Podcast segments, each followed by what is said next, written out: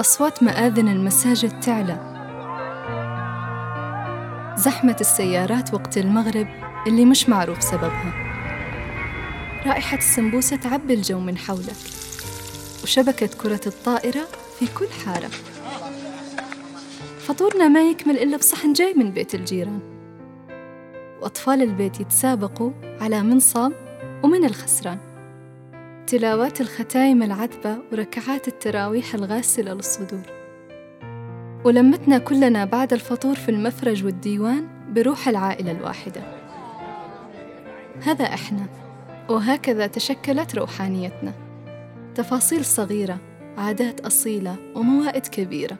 نبحر فيها عشان نعرف كيف وصلنا لشكل رمضان النهائي اللي نعيشه اليوم. في بودكاست مفرج. نجسد المشاهد الحية اليومية خلال أيام الشهر الفضيل. ونحولها من صور حية إلى ذبذبات صوتية تتسلل كل يوم لأجهزتكم الإلكترونية. معي أنا نسرين عصام من فينس ميديا رمضانكم مسموع هذه المرة ومبارك ككل مرة بإذن الله.